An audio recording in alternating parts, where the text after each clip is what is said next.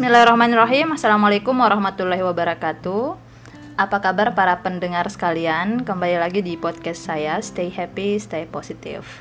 Alhamdulillah pada kesempatan kali ini uh, saya uh, kembali lagi dengan insya Allah dengan topik yang hangat yang mungkin masih sering kita perbincangkan di kehidupan sehari-hari kita, utamanya di masyarakat Sulawesi gitu uh, khususnya Sulawesi Selatan. Nah, di Sulawesi Selatan ini kita sering mendengar istilah uang panai, tradisi uang panai dan ini erat sekali kaitannya dengan kehidupan sosial masyarakat uh, ya termasuk pernikahan gitu di uh, di Sulawesi Selatan. Nah, di kesempatan kali ini saya akan memperbincangkan uh, melihat uh, fakta uang panai ini dan membahasnya dari perspektif bagaimana kita sandingkan dengan uh, wanita. Jadi apa hubungan antara wanita dan uang panai dan bagaimana perspektif dari wanita sendiri melihat uh, fenomena atau tradisi uang panai ini. Saya akan ditemani oleh dua teman saya. Kebetulan mereka juga uh, para single ladies ya, insya Allah high quality uh, untuk menemani perbincangan kali ini supaya perbincangannya uh, tidak terkesan monoton. Jadi saya langsung sapa saja teman saya yang ada di sana. Assalamualaikum warahmatullahi wabarakatuh. Waalaikumsalam warahmatullahi wabarakatuh. Oke, okay, jadi saya perkenalkan sedikit tamu pada hari ini. Yang pertama itu Nurul Iman Sari, dia selesai di uh, magister di UK nanti eh, saya sedikit akan mempersilahkan beliau untuk memperkenalkan diri. Kemudian yang kedua ada Irma Safitri, biasa dipanggil Irma atau Fitri, sekarang lagi di Amerika. Jadi ini spesial buat kalian Betul. semua karena langsung saya langsung record ini dari Amerika. Beliau sekarang lagi ada program nanti dijelaskan sendiri oleh si pemateri. Oke, saya mulai dulu dari uh, saudari Nurul Imansari, mungkin sedikit perkenalan tentang ya. dirimu. Uh, ya, assalamualaikum warahmatullahi wabarakatuh. Terima kasih sudah diundang di podcastnya Kia kali ini. Uh, saya uh, sekarang ngajar di Universitas Sulawesi Barat dan ya, yeah, I think that's it. Uh, kemarin uh, lulusnya di mana?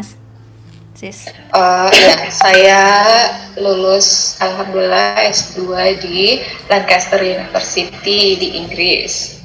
Jurusan?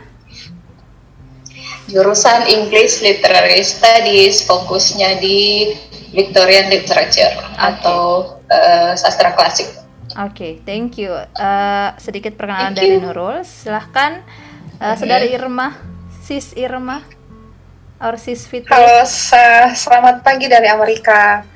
Pagi uh, di sini. Pagi. Uh, selamat pagi. Jadi saya saya Irma, Irma Safitri. Sekarang sedang di Amerika sebagai seorang pengajar bahasa Indonesia untuk penutur asing.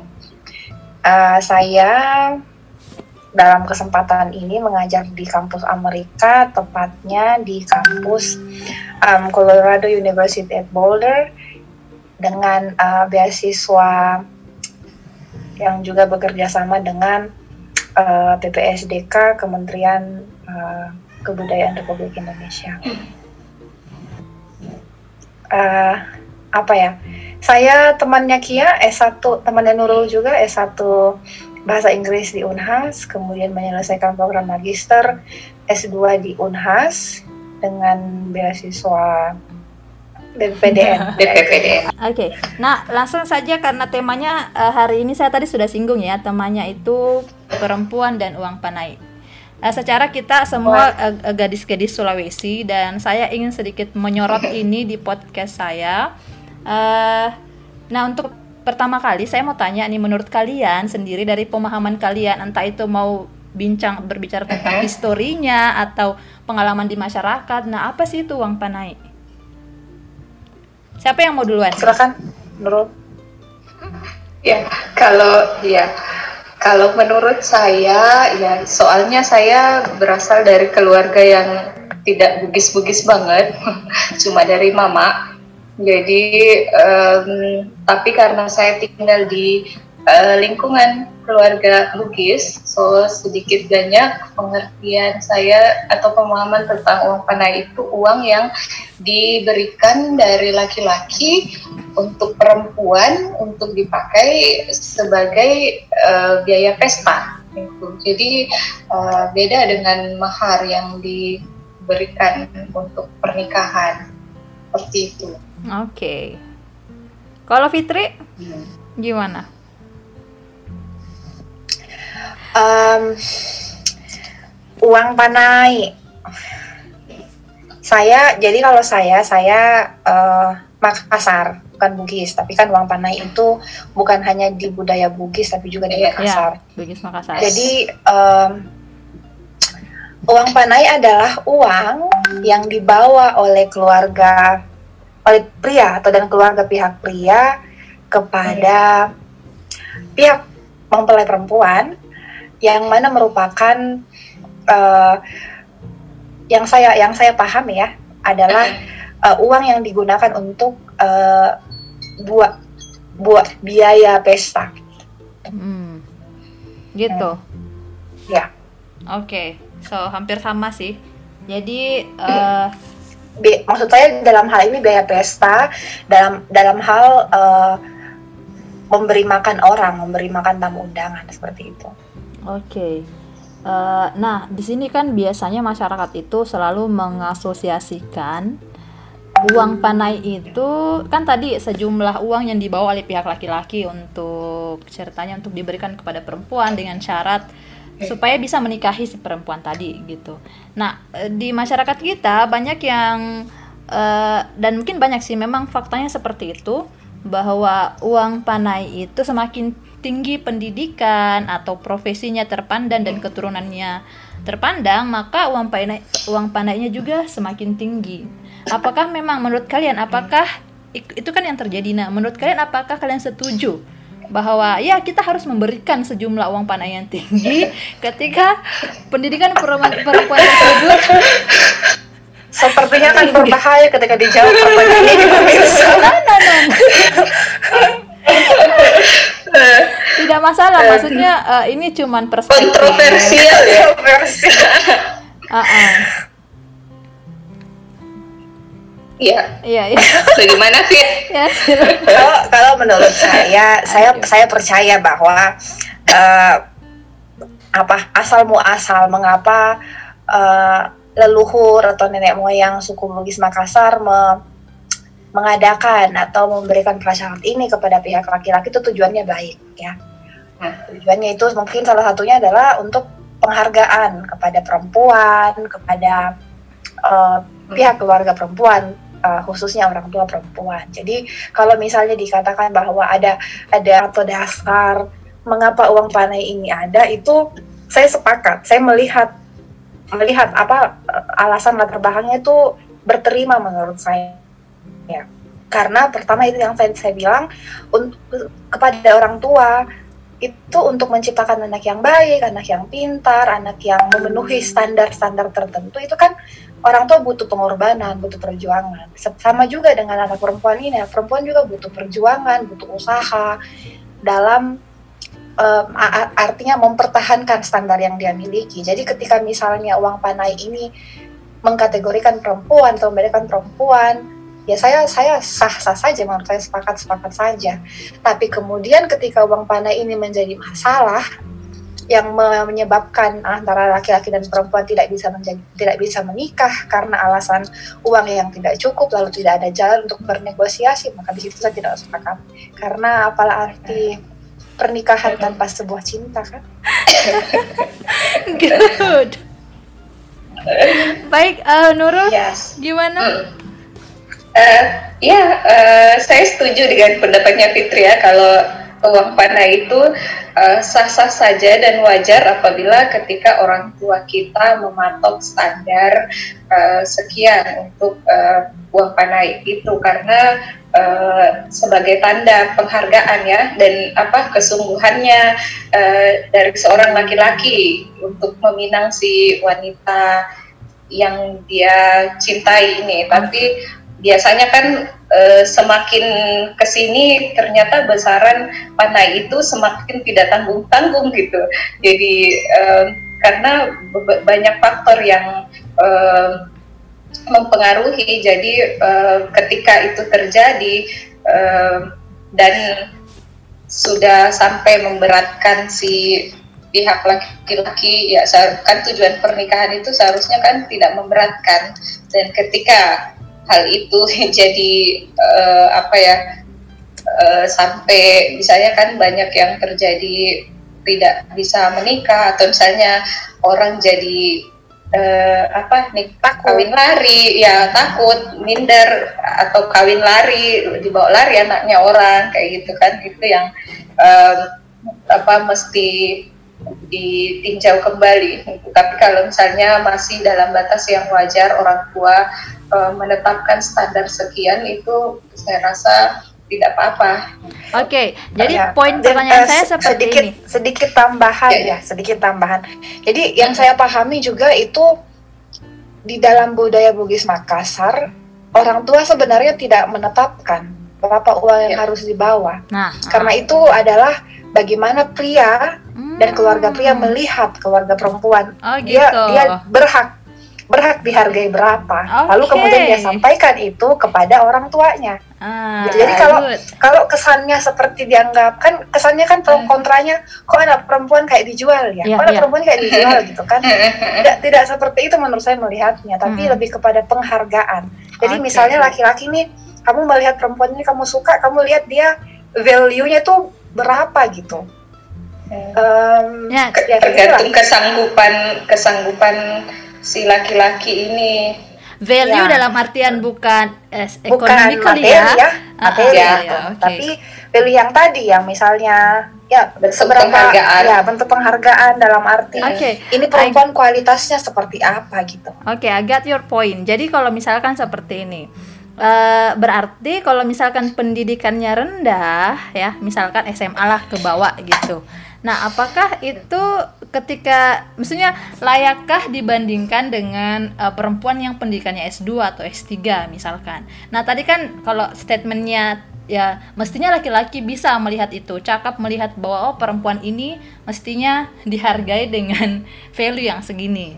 Nah menurut kalian berarti kalau misalkan uh, pendidikan perempuan itu SMA ke bawah misalkan apakah uh, apa ya uh, orang tua perempuan itu bagaimana ya berhak menentukan tarifnya? Adakah standar sosial di masyarakat Bugis Makassar tentang uh, ya berapa minimalnya gitu yang harus kita bawa? Tanpa memandang ini standar minimalnya gitu. Menurut kalian gimana? Kayaknya kalau kalau entah dari mana ya uh, ada standar minimal yang muncul tapi standar minimal itu sudah menjadi sebuah konvensi di masyarakat. Kalau uh, standar S2 itu sekian terus standar anak S1 itu sekian itu jadi um, gimana ya? Menurut saya adanya kayak penggolongan-penggolongan begitu itu cuma sepertinya bias bias aja misleading menurutku dalam itu, hal itu muncul dari mana tidak tidak berangkat sebenarnya dari nah. nilai nilai dasar atau nilai asal historisnya uang panai hmm. itu cuman kayak improvisasi manusia zaman sekarang saja menurut saya ya, ya. yang buat standar-standar seperti itu hmm. jadi menurutmu sebenarnya gimana tergantung konvensi orang tua sama si calon itu tadi jadi ndak mesti misalkan ya kamu cuma tamatan SD misalkan ya udah segini aja dikasih gitu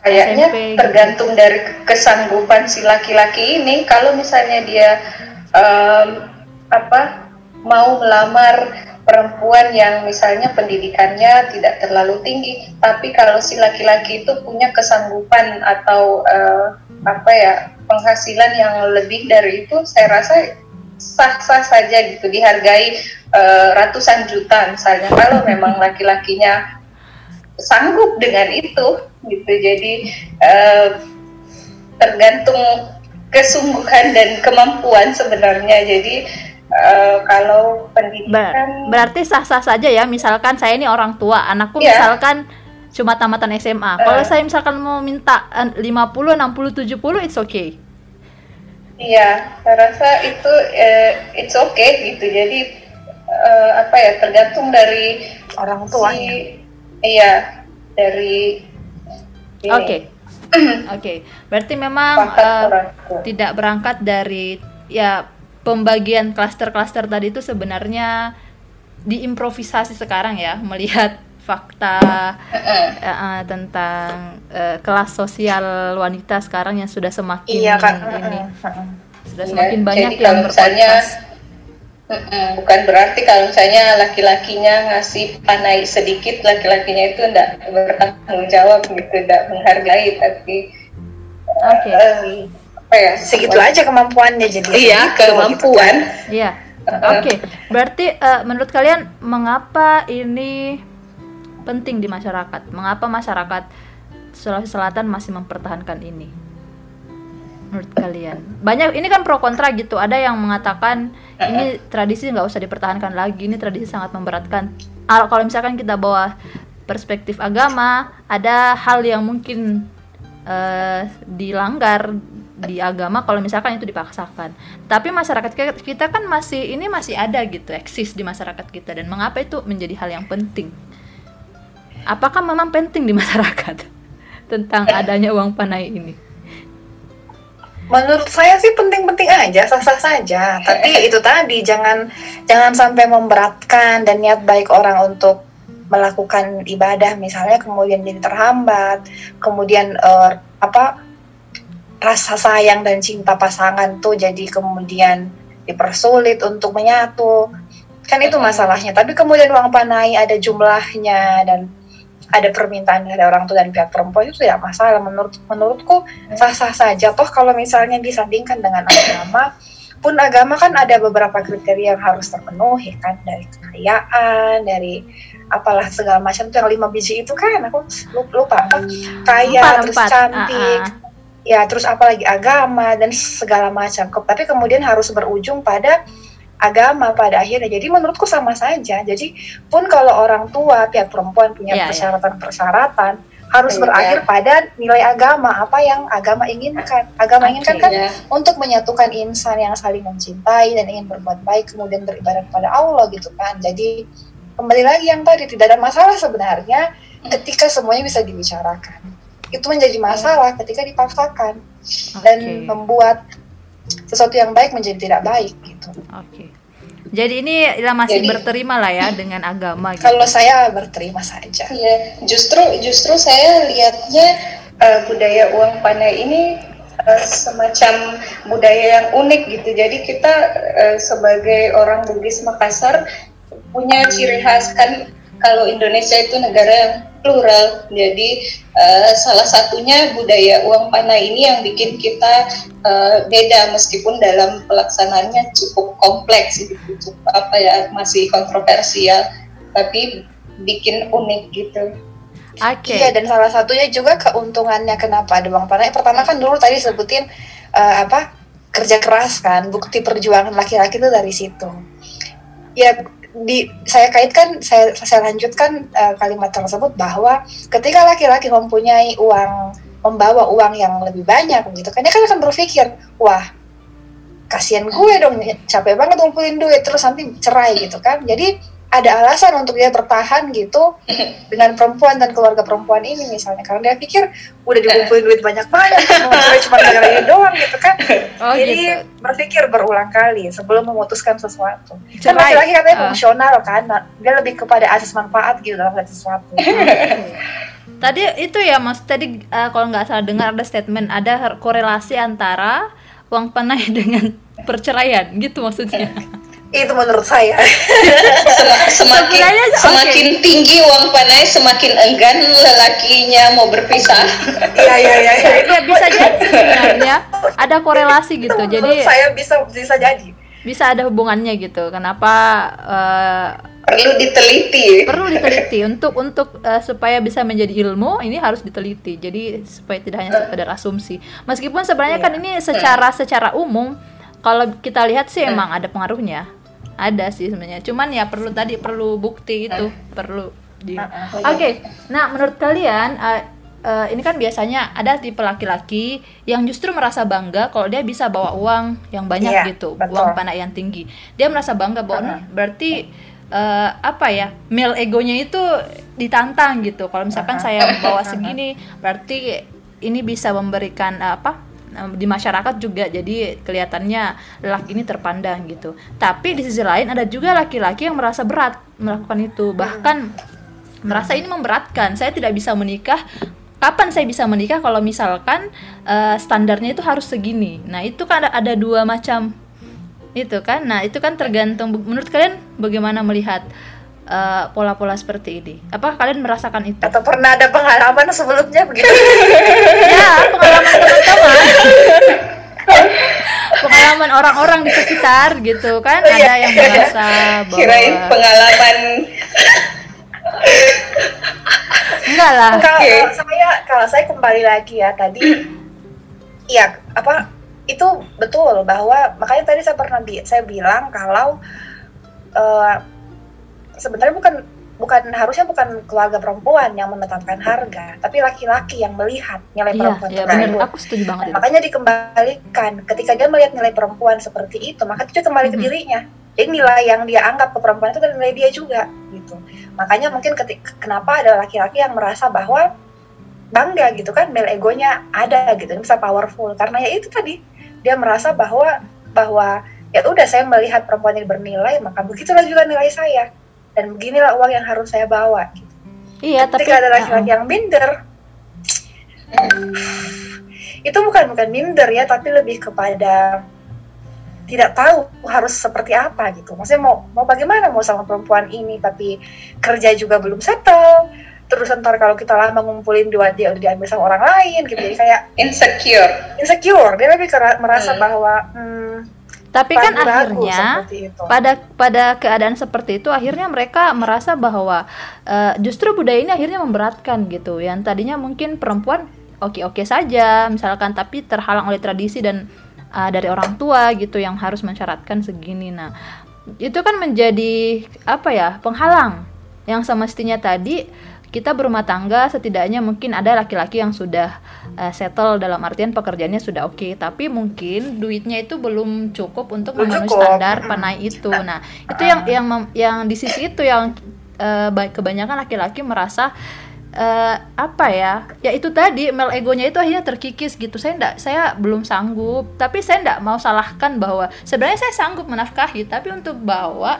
sejumlah uang itu untuk saat ini belum cukup gitu. Ya. Nah itu Itu yang menjadi tadi, yang maksudnya terjadi butuh- masalah. ya butuh negosiasi dan pemahaman kan? Pengertian dari kedua belah pihak. Mungkin ditungguin sampai duitnya banyak tuh bilang jangan nikah dulu ya tunggu sampai uangnya cukup gitu atau kan. saya cari yang lain deh. Terus cari yang lain boleh juga gitu yang kan. sesuai Ya, dengan nggak apa-apa, cari yang standarnya. lain aja. Ah, sesuai dengan standarnya bisa.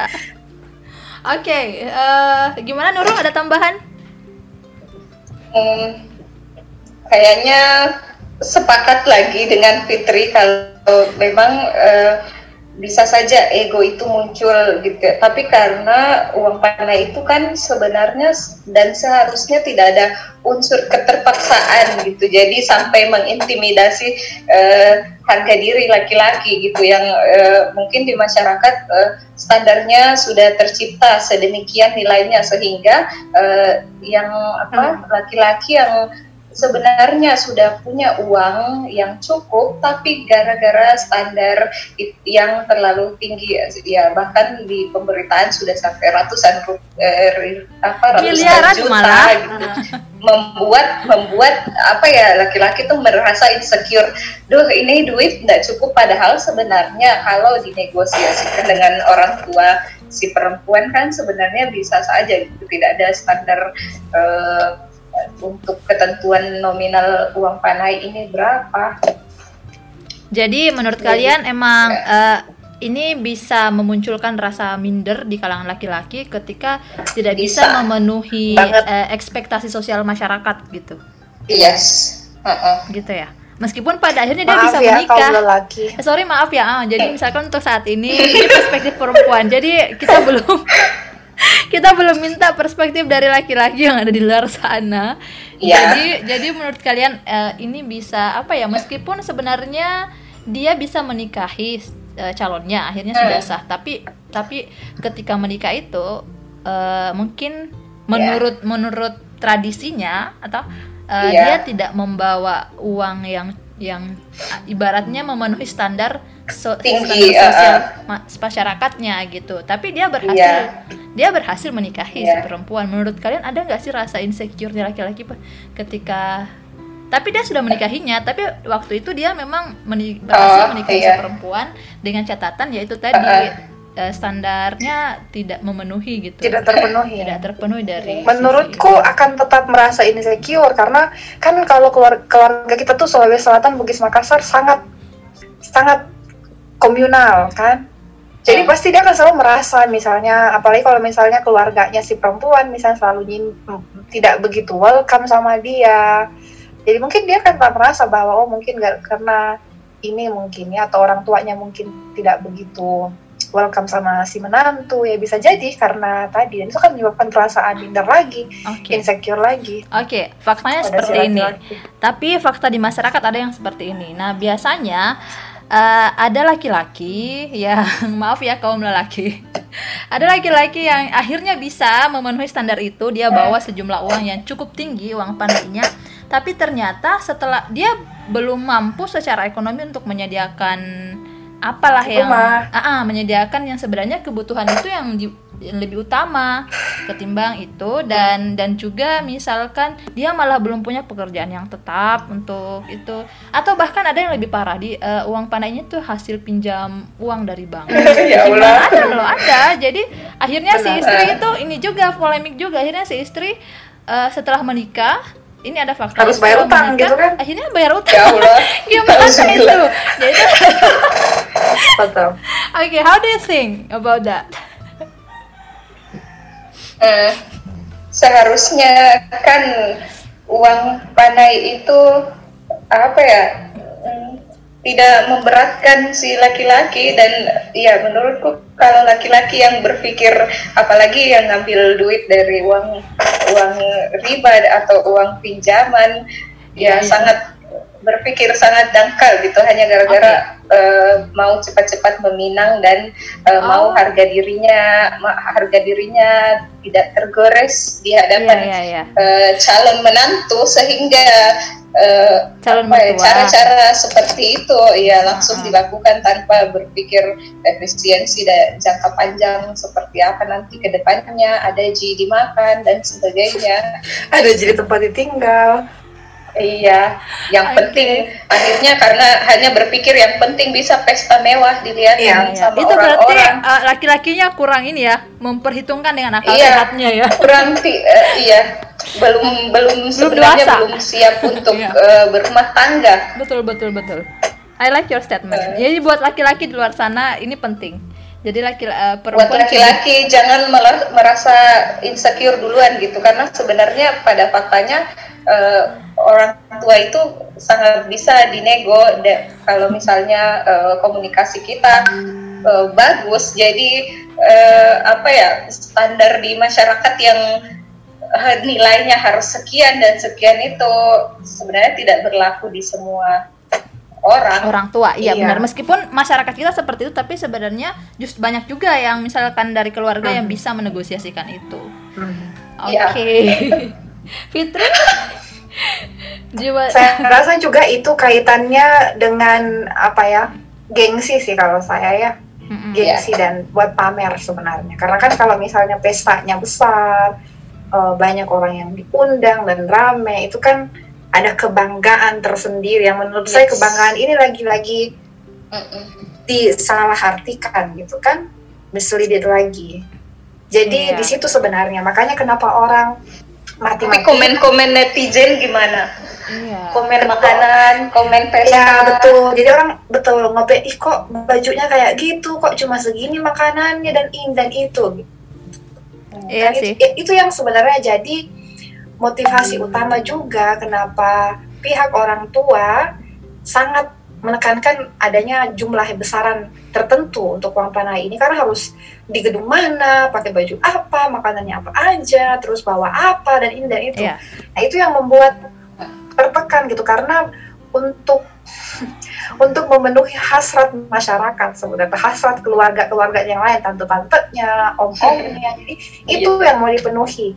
Yang kembali lagi karena kita ma- masyarakat komunal jadi itu nggak bisa jalan sendiri-sendiri pasti minta pertimbangan mereka minta pertimbangan siapa mikirin tetangga yang mana mikirin keluarga dari mana gitu gimana kalau mereka datang terus dikomen kayak gini kayak gitu nah itu dia jadi pamer yang kemudian dianggap martabat yang menurut saya salah tempat tidak di sini sebenarnya martabat itu harusnya berada oke okay. ya jadi itulah uh, uh, uh. memenuhi jadi, ekspektasi orang lain sebenarnya okay. kemudian mengorbankan inti dari pernikahan itu, itu sendiri Ya, artinya uh, sebenarnya tradisi kalau bisa dibilang ya tradisi uang panai itu bisa menyeratkan itu bentuk penghargaan kepada wanita. Apakah memang seperti itu? Sebenarnya. Ya. Gimana bagaimana kita mengembalikan? Ini kan sudah banyak sekali yang bias kan gitu tadi, misleading gitu. Jadi eh. awalnya mungkin sebenarnya tradisi uang panai itu adalah bentuk penghargaan kepada wanita gitu kan. Nah, ini bagaimana kita apa ya mengarahkan supaya tidak tidak tidak sekedar motif ekonomi. Sekarang kan jatuhnya motif ekonomi bisnis apa gengsi di masyarakat yes. dan sebagainya. Padahal tujuan utamanya bagus gitu. Uh, yang sangat sangat mulia sih sebenarnya tadi itu bentuk penghargaan kepada wanita. Nah how bagaimana caranya ya? How to revive that? Gimana supaya kita kembali ke nilai yang sebenarnya pertama laki-laki jangan minder gitu ya. Pertama laki-laki jangan minder. Kenapa saya bilang jangan minder? Karena pun agama mengatakan uh, uh, untuk mem memiliki keturunan yang baik itu kan dilihat dari ibunya ya saudara kaum laki-laki semua. Jadi jadi tidak ada salahnya berjuang gitu. Berjuang untuk kemudian ya punya anak yang bagus dari istri yang bagus gitu. Dari bobot bibit bebeknya itu yang pertama. Pun kalau misalnya ternyata sulit bagi kalian untuk memenuhi standar tersebut maju aja gitu. Tunjukin keseriusan bukan dengan uang tapi dengan kalian maju berani gitu. Ketemu sama orang tuanya ketemu sama si perempuan ini gitu. Tapi kan sekarang gara-gara ini orang jadi yang kayak jangan deh maju deh nanti yeah. Iya. ditolak gitu kan. Nah itu kamu berperang aja belum gitu udah mundur. Nah itu yang menurut saya aduh sayang gitu. Dan uh, bagaimana menghidupkan ini kembali ya itu kembali kembali bahwasanya uh, ini untuk menghargai perempuan dan jangan sampai ini dipaksakan menyulitkan si pihak laki-laki. Yang penting si laki-laki ini benar-benar serius gitu kan. Yang tadi seriusnya kayak gimana? Maju dulu gitu, jangan baru melihat dari Jawa ini perempuan yang S2 kuliah di sini dia punya pekerjaan PNS dan sebagainya belum maju dan mundur jadi kayak keseriusan itu nggak ada gitu jadi perempuan yang kamu perempuan yang kamu lihat itu adalah harga diri kamu juga gitu. Itu orang yang kamu ingin nikahi itu nilai kamu juga gitu. Masya Jadi Allah. maju saja dulu. Good good good. Masya Allah. ah itu bagus banget itu. Saya saya mau retweet deh. Perempuan yang ingin kamu di, perempuan yang ingin kamu nikahi sebenarnya menunjukkan uh, standar kamu gitu ya. Benar, harga diri kamu. iya. oh, oke. Okay. kalau Nurul setuju. Ya setuju. Jadi uh, uh, apa ya jangan dulu uh, berpikir uh, dengan standar di luar sana gitu. Karena uh, dengan didiskusikan tidak semua orang Sulawesi Bugis Makassar itu mematok uh, nilai panai yang beratus-ratus juta gitu. asalkan kita sebagai laki-laki pandai untuk bernegosiasi dengan calon mertua gitu dan percaya yakin gitu kalau pernikahan ini adalah sebuah ibadah ya insya Allah uh, akan mudah gitu akan mudah uh, maju jadi uang panai bukan bukan sebuah uh, masalah Oke, okay. artinya begini kan uh, kasihan juga sih sebenarnya kalau misalkan semua beban itu harus di, diserahkan oh. kepada laki-laki gitu. Jadi sebagai perempuan, menurut kalian uh, kita juga penting kan untuk me, ibaratnya mendakwahi gitu, berkomunikasi dengan yeah, orang iya. tua, yeah. menganggap bahwa sebenarnya uh, tradisi uang panai itu maksudnya seperti seperti ini loh pak, seperti ini loh mah gitu. Maksudnya kembalikan ke nilai awalnya, kembalikan ke bagaimana sebenarnya sejarah hingga uang panai ini ada. Seperti tadi kan sebenarnya ini bentuk penghargaan kepada wanita, bukan akhirnya menjual wanita. Nah itu perlu. Nah, nah iya dan perlu menurut, menurut saya keuntungan memilih perempuan dengan pendidikan itu ya di situ. Iya iya. Dengan dia punya pendidikan dia bisa jelasin gitu kan ke orang tuanya.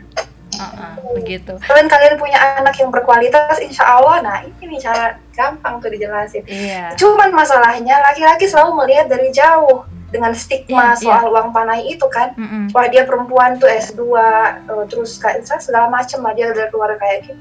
Belum juga maju belum juga didiskusikan. Dan satu lagi yang penting menurutku untuk laki-laki mau sepintar apa pun perempuan setinggi apa pun pendidikannya mereka itu selalu butuh pelindung butuh cinta dan itu dari laki-laki. Nggak bisa dari yang lain-lain gitu. Jadi come on I mean like maju dulu dah gitu. Perempuan tuh perempuan. Naturalnya tuh dia se-strong perempuan apa pun dia seseorang. iya iya.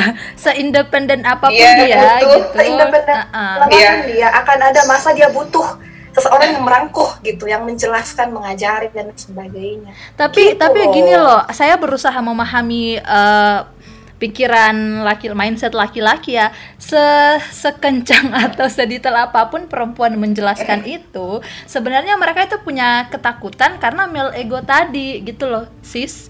Ada mereka itu punya male ego yang sebenarnya itu ketakutan yang saya saya mau bilang itu tidak berdasar atau bagaimana ya karena dia selalu merasa bahwa pihak laki-laki itu selalu merasa bahwa saya tidak mau nanti ketika saya memilih eh, perempuan ini ada ego saya yang akhirnya dikalahkan gitu. Saya harus tetap menjadi Dipermalukan di- gitu ya. powerful uh, uh, orang yang orang yang mungkin meskipun sebenarnya dia sudah apa ya sudah tidak adil dalam sudah tidak adil dalam pemikiran lah sejak awal karena sebenarnya dia Uh-uh. belum mencoba mengenali belum mencoba berkomunikasi dengan si perempuan akhirnya dia sudah ada mental block lah yang seperti itu Nah, datang yang ini padahal tapi itu sebenarnya ketakutan mereka mereka tuh Iya sih. Nah, mungkin Iya, sama, tahu sama podcast sesama dengan kita gitu kan yang butuh Iya. cinta itu juga dia naturalnya kayak gitu Iya, bahwa betul.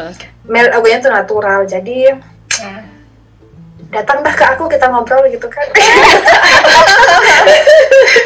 Ya benar mudah-mudahan ya podcast ini sebenarnya kalaupun ada lelaki yang mendengarnya sebenarnya sebenarnya no no no I mean sebenarnya bisa jadi endorse. Bukan bukan begitu. Sebenarnya perempuan itu pemikirannya seperti ini loh. Saya mau kita iya, bagi iya. kepada mereka Me- bahwa mewakili suara perempuan Yes. yang se seindependen apa pun terlihat dari luarnya. Ah, ah, gitu jadi sebenarnya mereka tapi itu tapi benar seperti saya anak pahami kecil saya yang pahami. butuh dimanja dan sebagainya yes dan betul saya pahami juga itu egoisme laki-laki benar Mm-mm. ya, itu ya karena tadi. di situlah ya saling membutuhkannya perempuan dan laki-laki Iya, laki-laki mudah-mudahan- dengan powernya dengan ya iya ya betul ya itu tadi ya jadi komunikasi kayaknya ya. Yes komunikasi itu penting. lagi-lagi, jadi ya. untuk mengembalikan bahwa em, maksud panah itu seperti ini tetap harus ada komunikasi ke orang tua juga. Nah dan memilih memilih perempuan yang tepat uh, menyasar perempuan yang tepat itu ya uh, bisa bisa inilah. Ceritanya dia bisa mengembalikan kembali bahwa uh, uang panah itu sebenarnya bukan bukan apa ya bukan sesuatu yang harusnya menghalangi gitu Nah, ini bisa dikembalikan kepada ke divine meaningnya gitu yang bahwa kita harus kembalikan makna yang benar tentang adanya tradisi uang panai ini. Oke, eh, nah tadi saya sedikit menyinggung kalian tadi sempat bilang bahwa sebenarnya ini ini itu ad- adalah secara positif ini bisa menjadi dorongan bagi laki-laki untuk bekerja lebih keras, ya nggak sih? Nah, menurut kalian apakah ada hubungannya Yes. antara tradisi uang panai ini terhadap kesungguhan laki supaya mereka bisa lebih bekerja keras ya. Kayak gitu. Mana menurut kalian? Ada pastinya ya. Eh, terlepas dari eh, seberapa fantastis nominalnya, tapi kalau eh, korelasi antara eh, kerja keras seorang laki-laki itu dengan eh, nilai yang diberikan kepada si perempuan ini eh, pasti ada ya. Jadi em, sebagai sebuah penghargaan saya eh, menghargai perempuan ini dengan bekerja keras.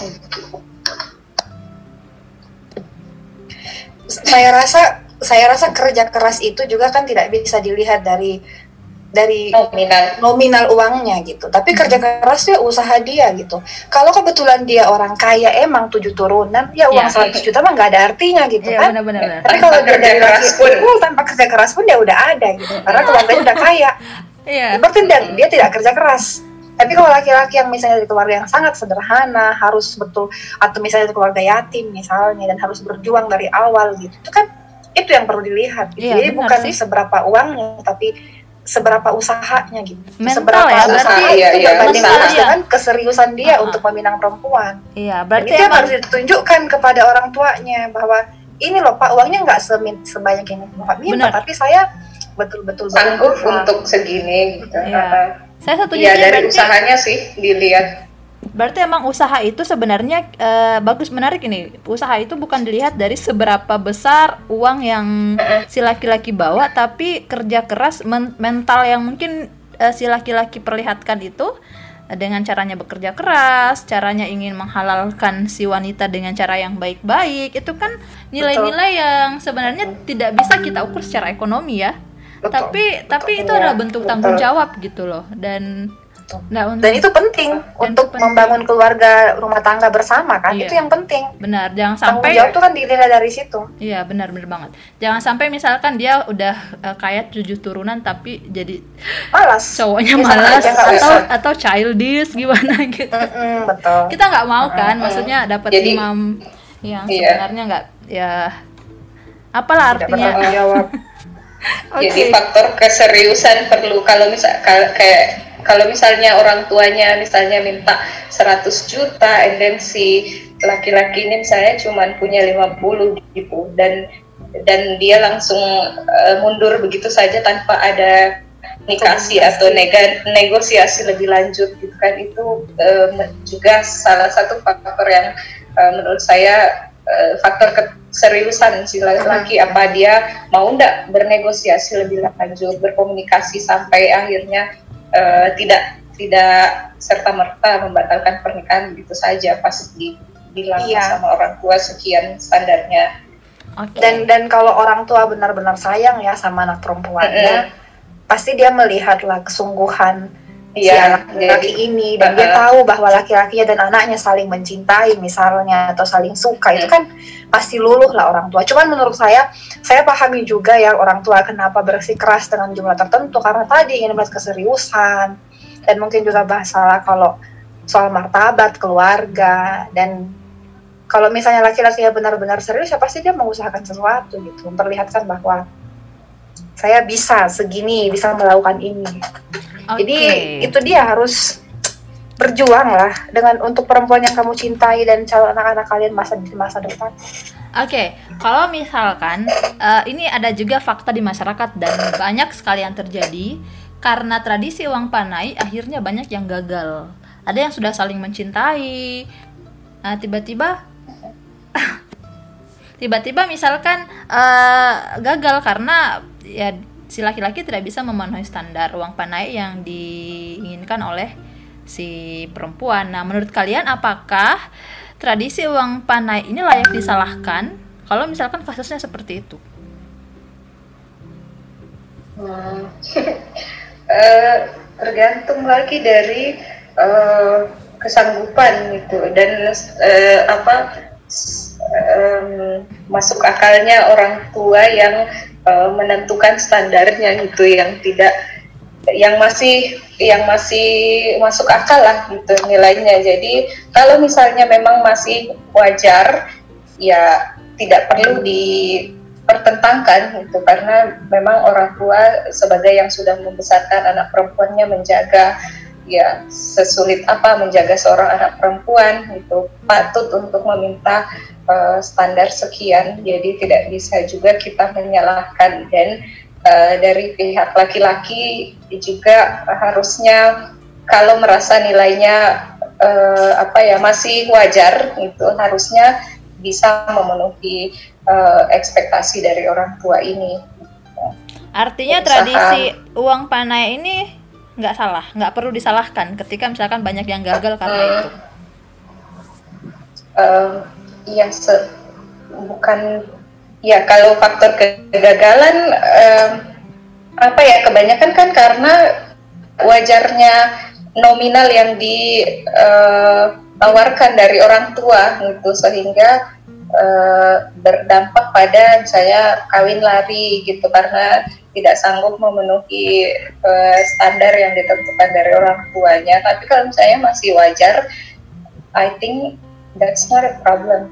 Bukan sesuatu yang uh, patut disalahkan masalahnya eh, di kondisi rumah tangga eh di kondisi kedua calon ini itu uang panainya bermasalah gitu mas artinya karena karena uang panai itu meskipun ya, standarnya di masyarakat mungkin biasa-biasa saja tapi karena uang panai ini akhirnya mereka tidak bisa menikah Membuat. gitu kan nah oke okay, itu itu gimana berarti komunikasi sama negosiasinya nggak jalan tuh Oke. Okay. Jadi artinya ada salah satu pihak yang terlalu bersikeras, menurut yeah. saya. Mungkin orang tuanya gitu kan, atau juga mungkin dari pihak orang tua laki-lakinya atau pihak laki-lakinya sendiri. Jadi kalau misalnya ya udah kita misalnya keluarga laki bilang ya udah kita cuma punya uang segini, bilang sama perempuannya kita cuma punya uang segini. Kalau dia nggak mau ya udah nggak usah.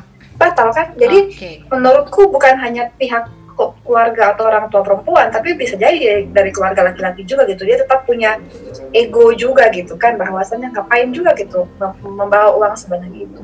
Dan perlu juga kita ingat ya uang panai ini kan sebenarnya bukan untuk si perempuan ya setahu saya.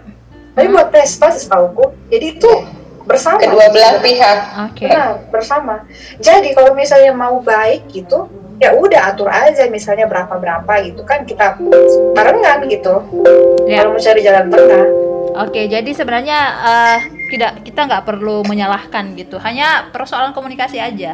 Oke, uh, yes. pertanyaan terakhir mungkin uh, menurut kalian, jadi menurut kalian apakah berarti apakah kalian setuju dengan uang panai ataukah apakah uang panai ini tetap kita harus pertahankan di masyarakat? The last question. Yes, aku sih yes. Tapi Mas Hakit tadi ya harus komunikasi dan negosiasi terus jalan. Oke. Okay. Kaum laki-laki jangan mundur ya. Oke. Okay. Iya, sebenarnya uh, karena uang tradisi uang panai kan juga tidak bertentangan di dalam agama gitu ya selama uh, apa ya selama tidak ber, syariat ya tidak memberatkan uh, ibadah pernikahan itu sendiri dan tidak menyebabkan mudarat-mudarat yang lain kan? Iya jadi sebenarnya wajar-wajar aja untuk tetap dilestarikan sebagai ciri khas dari budaya Bugis Makassar. Mm -mm. Tapi kalau misalnya kayak tadi disebutkan harus misalnya minjam, entah dari keluarga perempuan atau keluarga laki-laki harus mm -mm. minjam demi pamer ke keluarga dan ke masyarakat dan ke tetangga. Nah itu yang tidak benar. Yeah. Kenapa tidak benar? Karena setelah menikah akan ada turunan-turunan masalah berikutnya, bayar utang lah, si istri dan suami yeah. pasti berselisih paham. Nah, gara-gara kamu tuh terlalu banyak ini, yeah. makanya kita utangnya kayak gini-gini deh. Jadi mudarat-mudarat yang turunannya tuh bisa muncul. Oke. Okay. Oke, okay, I get your point guys. Jadi uh, kita sudah menghabiskan yang cukup waktu.